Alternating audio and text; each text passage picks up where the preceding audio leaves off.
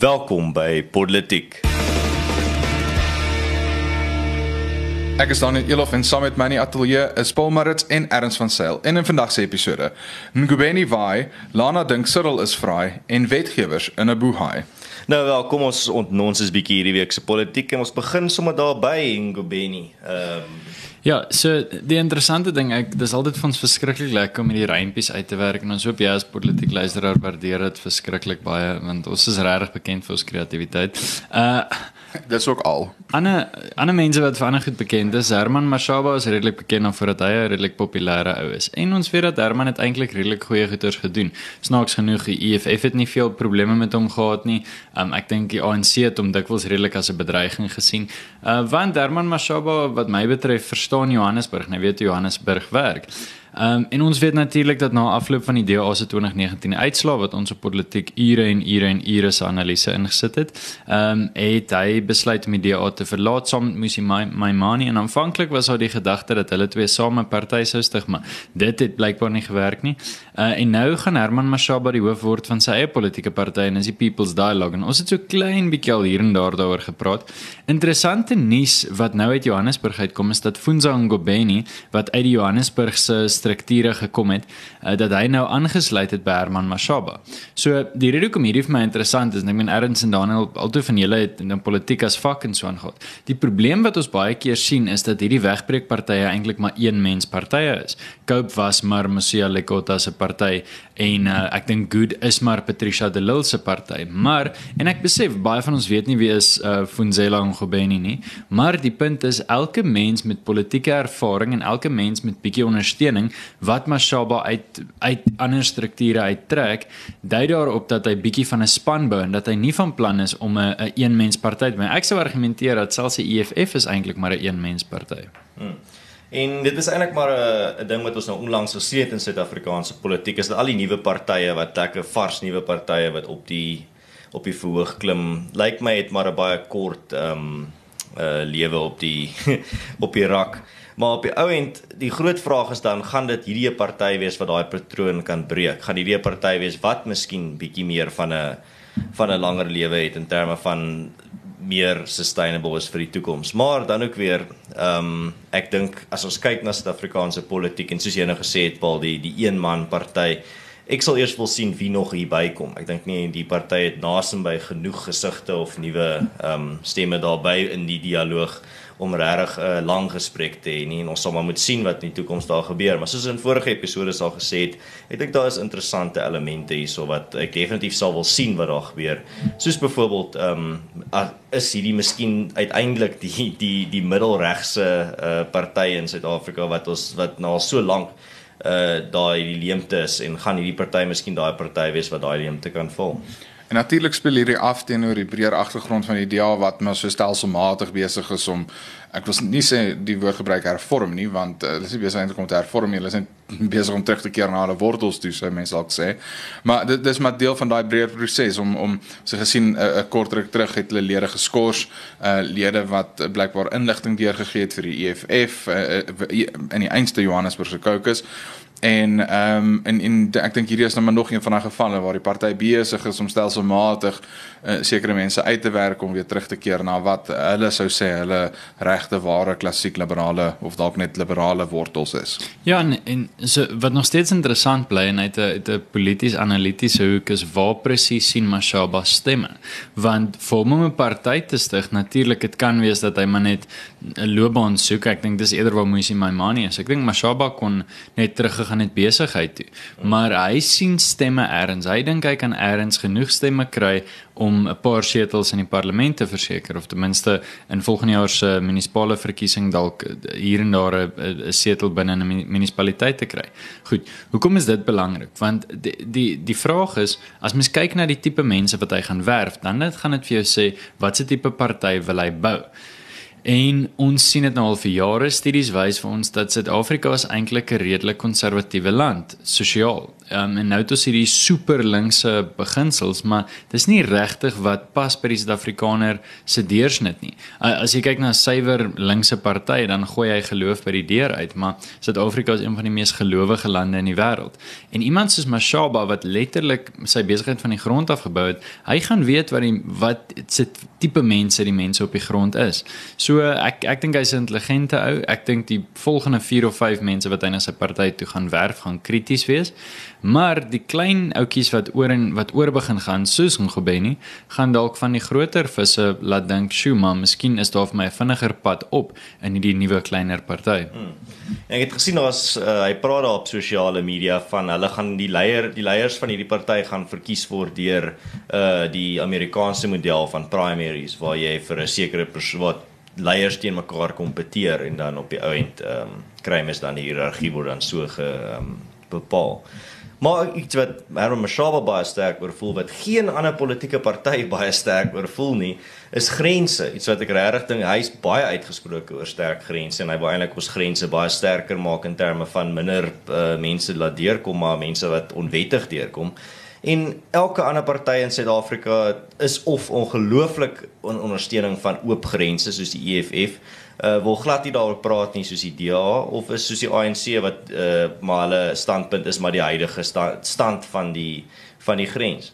So ek dink daar sou 'n groot leemte as jy kyk na die Suid-Afrikaanse publiek en hoe daar regtig nou mense begin sê maar Jesus, ons kan nie hoeveel mense kan ons nog inlaat uit die uit die res van die kontinent uit voor die land bars en ek dink dit is miskien iewers waar ek ek sou spekuleer Herman Mashaba baie sterk standpunt gaan inneem om sy party te distansieer van die ander.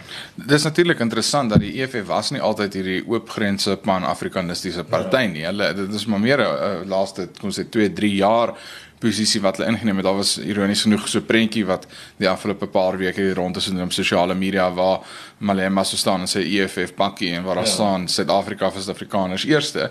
Ehm um, en en ek weet nie watter rol dit het gespeel het het Mashaba se verkiesing as burgemeester van Johannesburg ehm um, te speel gehad in hoe die EFF 'n verskywing gemaak het in hulle beleid nie dat hulle juis beweeg het om hulle self bietjie te kontrasteer met Mashaba want op 'n vlak is, is, is het Mashaba en EFF druk dieselfde knoppies in die sin dat hulle druk albei 'n bietjie hierdie populistiese knoppies maar uh die, die een het Mashaba het baie sterk so wat jy sê ten gunste van en ter ondersteuning van grense uitgekom en toe moes die EFF hulle op 'n manier ja. kontrasteer ja. daarmee en toe het hulle besluit maar ironies het hulle nog ver baie verder links gevat want dit ja, is dit ja. is en ons praat baie keer ek weet ek staan baie keer sterk teen om mense ver links of ver regs maar om te sê daar moet geen grense wees nie is 'n uit en uit ver links standpunt. Dit is nie wel, wel tot tot 'n mate dat dit dit kom van twee filosofiese uh, kom ons sê bronne. Die, die een is wat jy sê die marxistiese kant. Dit is wat ek dink jy mm. die die ver linkse kant is dit baie ja. sterk. Dit is die Verenigde Wêreld. Net hierdie punt lank, dis ja, die Verenigde Wêreld uh ehm um, kom ons sê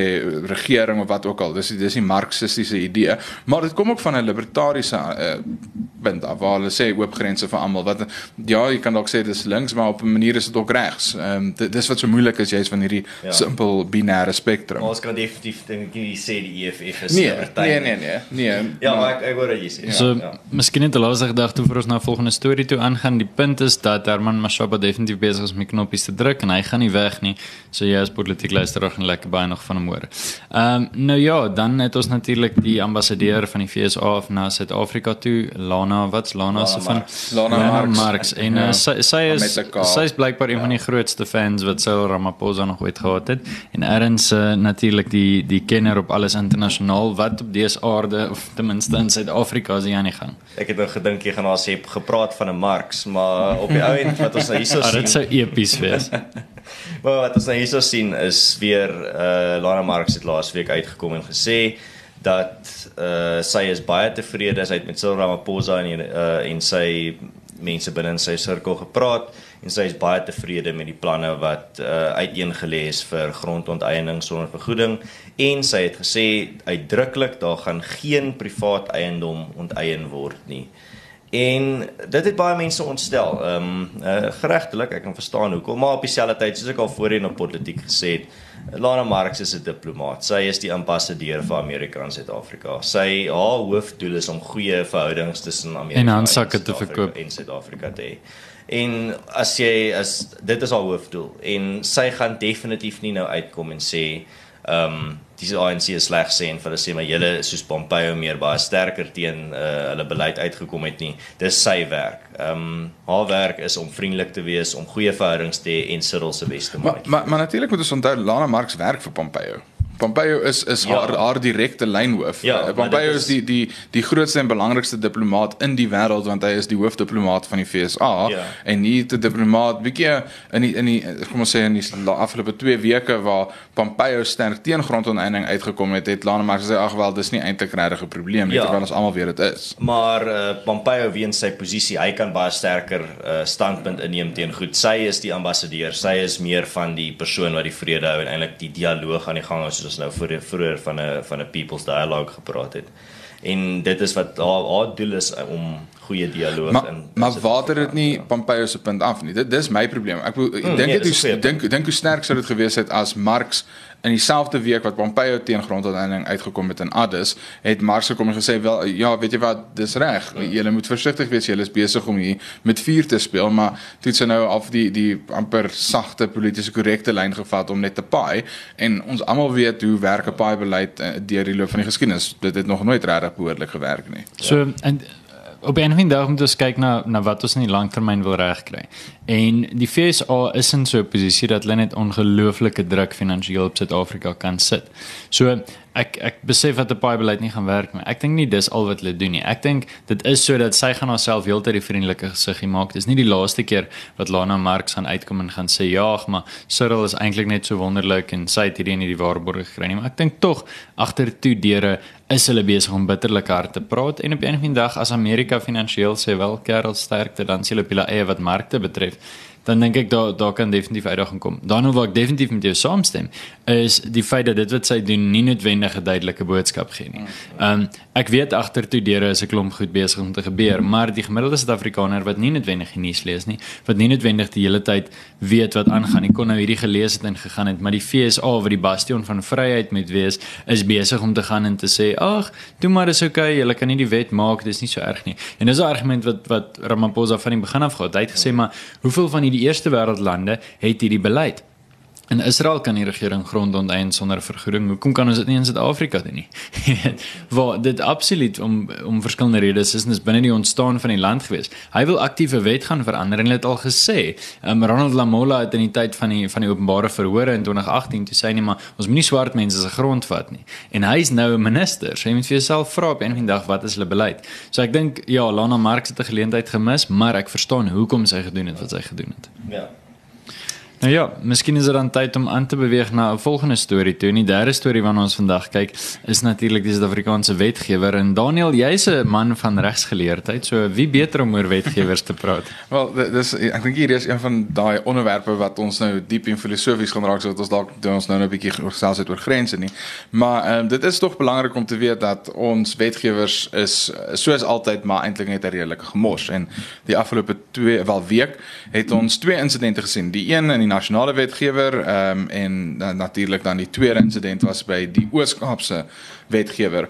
Ehm um, kom kom ons bespreek sommer albei so vlugtig. Ek gaan begin met die Oos-Kaapse wetgewer waar die EFF se parlementslede of provinsiale parlementslede of wetgewerslede is uit die parlement uitgejaag want hulle mag nie hulle rooi pakkies aangetrek het nie. Hulle het gesê dit pas nie by die dekorum van uh, die die instansie waarby hulle is nie en hulle het natuurlik baie ontstel daaroor geword die EFF is mos altyd verontwaardig hulle is mos altyd die slagoffers. Dis maar die mentaliteit van die party en dit is ook hulle sentrale kan ons amper sê veld tog boodskap wat hulle stuur is. Uh, kry ons jammer en en dis moet ons allerhande gratis goed kry. Maar nou ja dit daar gelaat uh, dis die een insident en die tweede insident en 'n bietjie meer interessanter insident is uh, daar is 'n video gewees wat die rond is gedoen het op sosiale media waar John Steenhuisen die leier van die DA met ander woorde die leier van die grootste oppositiepartyt in die wetgewer verbied is om in die wetgewer in te gaan deur 3 of 2 polisiebeamptes buite die wetgewer. En ehm um, sedertdien het Johnston as gesê hy gaan kriminele klagtes teen hierdie polisielede natuurlik gaan lê en ons wag nou om te sien wat daarvan gaan kom.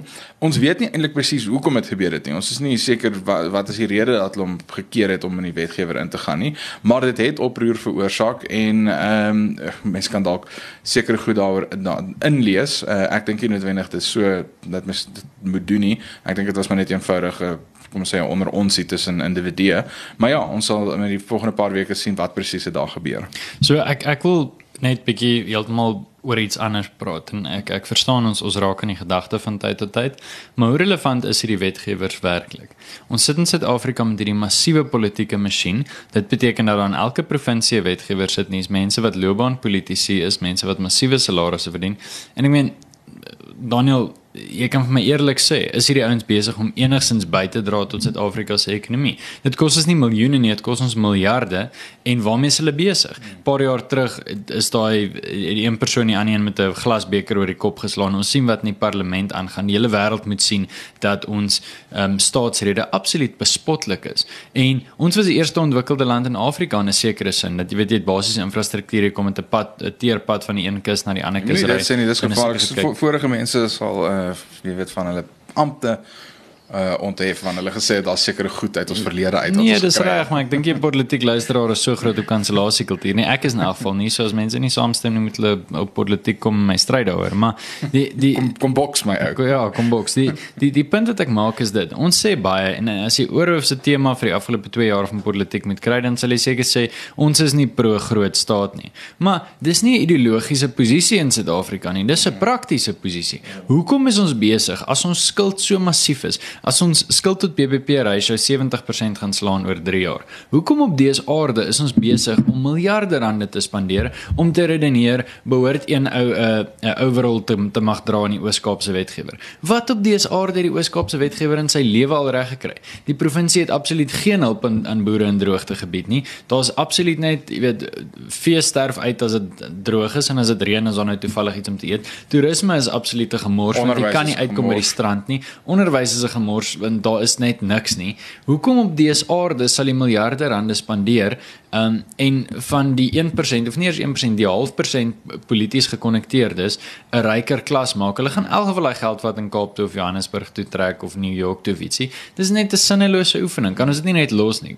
Dis 'n interessante punt wat jy maak Paul want dis dis iets wat ek uh, dis 'n teerpuntjie vir my. As ek voel Suid-Afrika is die perfekte omgewing vir hierdie Daar is nie teer nie, ek weer teer by.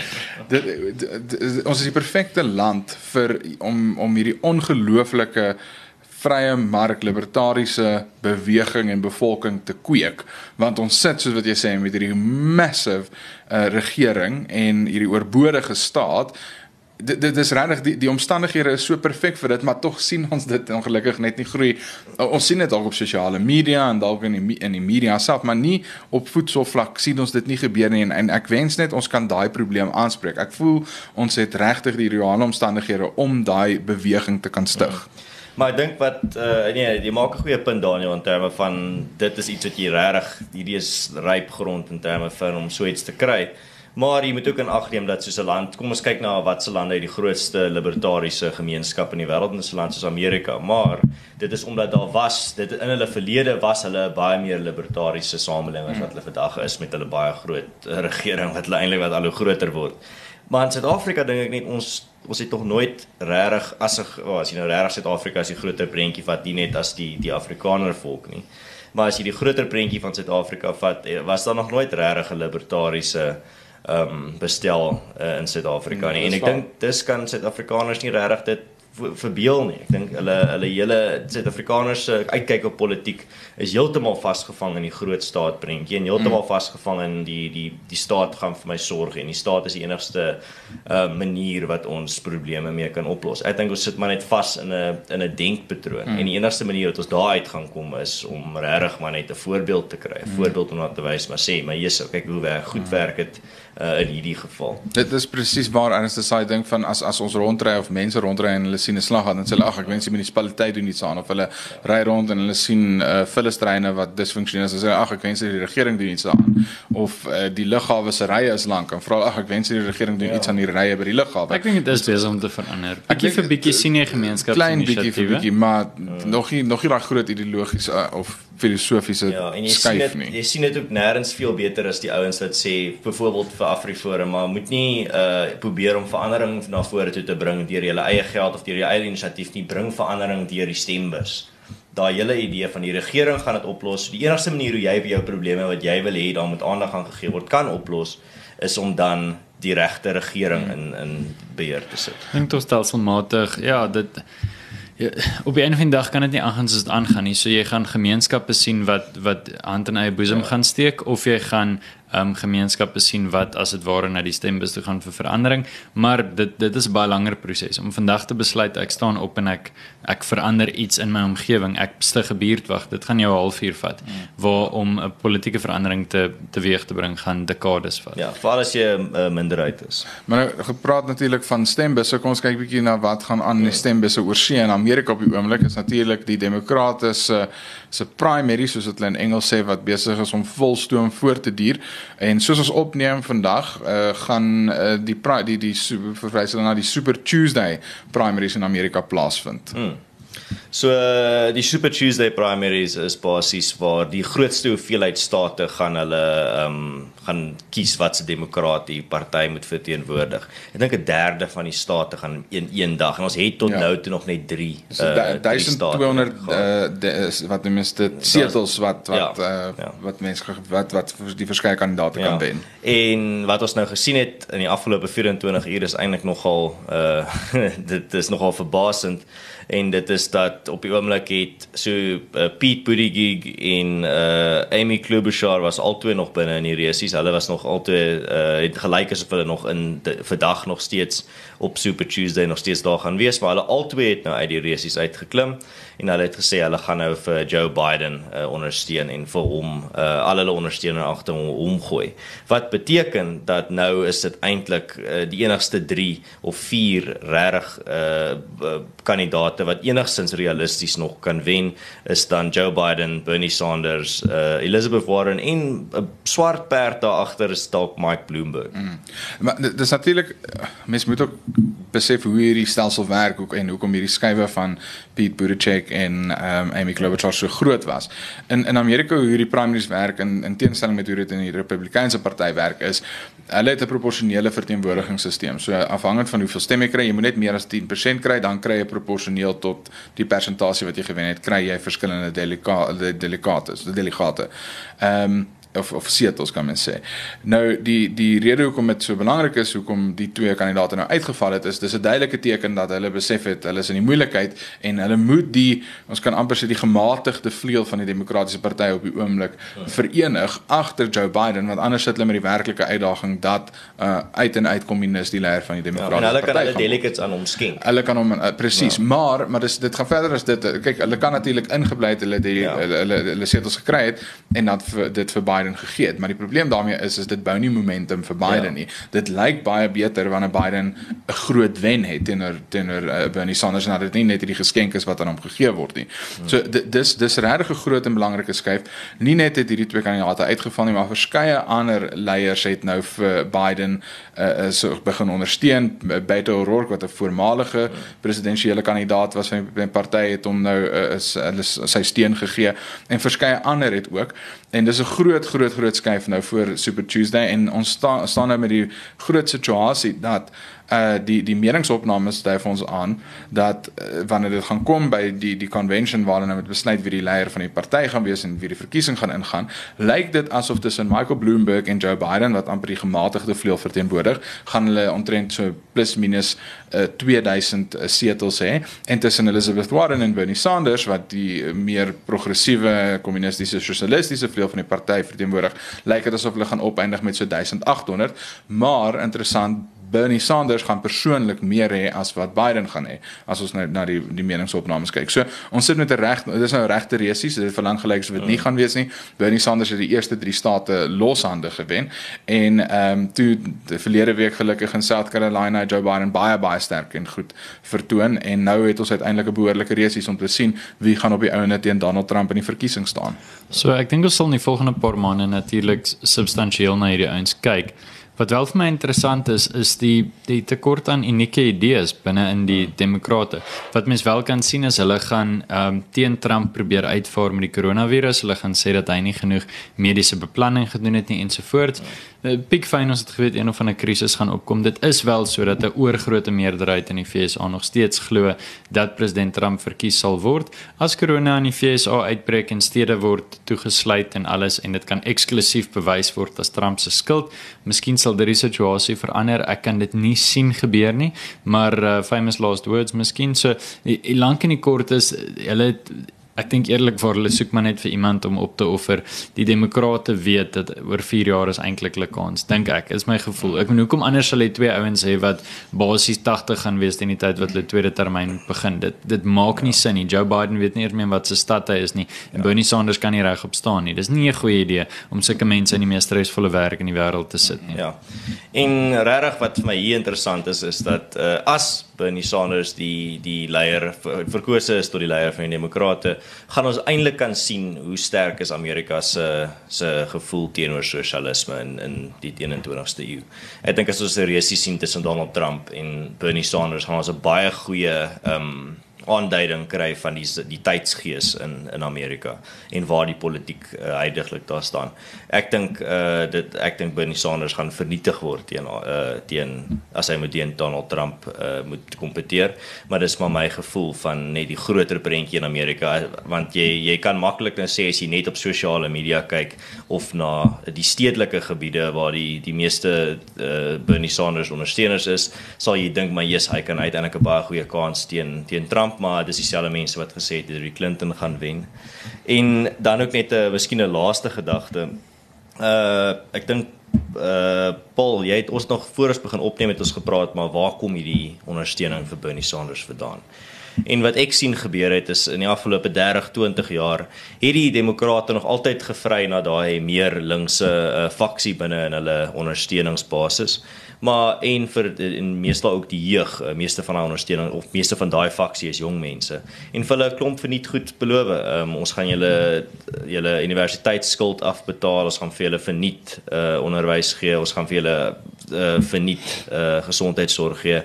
En hulle het nooit dit vir hulle gegee, hulle het nooit vir hulle enigsins enige van daai beloftes nagekom nie. En nou het vir die eerste keer daar 'n kandidaat aangekom in die resies wat sê na 20 of 30 jaar, maar ons gaan nou uiteindelik dit doen en ek dink daar's baie daar's baie woede binne in daai faksie van van die demokrate en daai meer jonger en linkser uh, faksie. En ek dink dis waar dit vandaan kom. Ek dink Bernie Sanders is 'n is 'n woede kandidaat. Uh, ek dink dit is hier sien. Maar dit gaan vir interessant wees om te sien in 'n ekonomie wat baie red, wat redelik baie goed doen. Ons gaan nou oor die oor die Amerikaanse aandelebeurs praat. Ehm um, dat as hulle vir Bernie Sanders sou hulle leier verkies het hulle dan met 'n uh, sy platform is amper 100% ekonomies of meestal ekonomies. Om dan in 'n goeie ekonomie teen Donald Trump met met 'n ekonomiese platform te te hardloop is eintlik baie baie vreemd en dit gaan baie snaaks lyk om te sien dat om eintlik dan sy standpunte uh te vereenvoudig tot yes ja die ekonomie doen goed maar ons moet dit heeltemal op sy kop draai. Ja, nou ja, ehm um, miskien uh, tyd om my oogie te gooi op ietsie meer positief. Uh natuurlik het die die Blitsbokke ons baie trots gemaak. Hulle was redelik ver agter in die finaal teen Fiji en het hulle teruggekom vir 'n geweldige oorwinning. En hulle was amper, hulle was agter teen Ierland in die groepsfase en het hulle teruggekom om gelyk op te speel teen Ierland. Ja, so nee, baie trots op die ou netjies.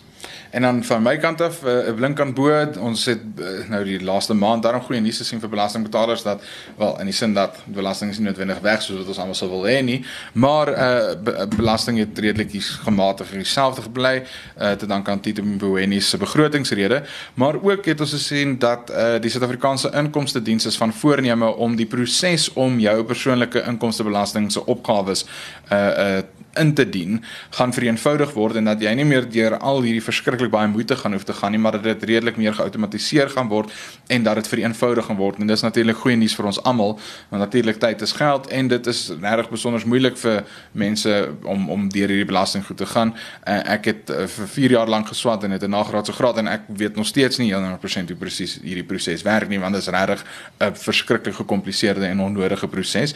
So dis die goeie nuus wat ons daarom 'n bietjie van die inkomste diens af hierdie afgelope week ontvang het. En uh, RNC sê daar's baie goeie nuus wat die Amerikaanse ekonomie betref. O ja, nee, uh die Amerikaanse Dow of hulle aandelebeurs het hierdie week wel in die afgelope kom ons sê week en 'n half het dit uh, ek dink 1000 punte geval of so 4% en dan op dieselfde tyd het dit nou weer net onlangs het dit nou weer die grootste groei uh ek dink in die geskiedenis. Ja, dis die grootste uh, grootste ja. sprong ja. in 'n dag ooit. Ja. So het maar net so 'n klein bietjie van 'n van 'n dip geval. Ja, mense wat daar ingeklim het natuurlik baie geld gemaak. Ja. Nou ja, soos mense wat sukkel met Piet Buttigieg se van, is hierdie episode ook weer eers verby. Ons nooi jou as luisteraar uit homself bietjie te nonsens hierdie gesprek voor tussen in die kommentaarafdeling. Ondersteun ons gerus op uh, Patreon as jy van wat ons doen. Los vir ons 'n resensie of 'n opmerking ergens wat ook op platform jy gebruik.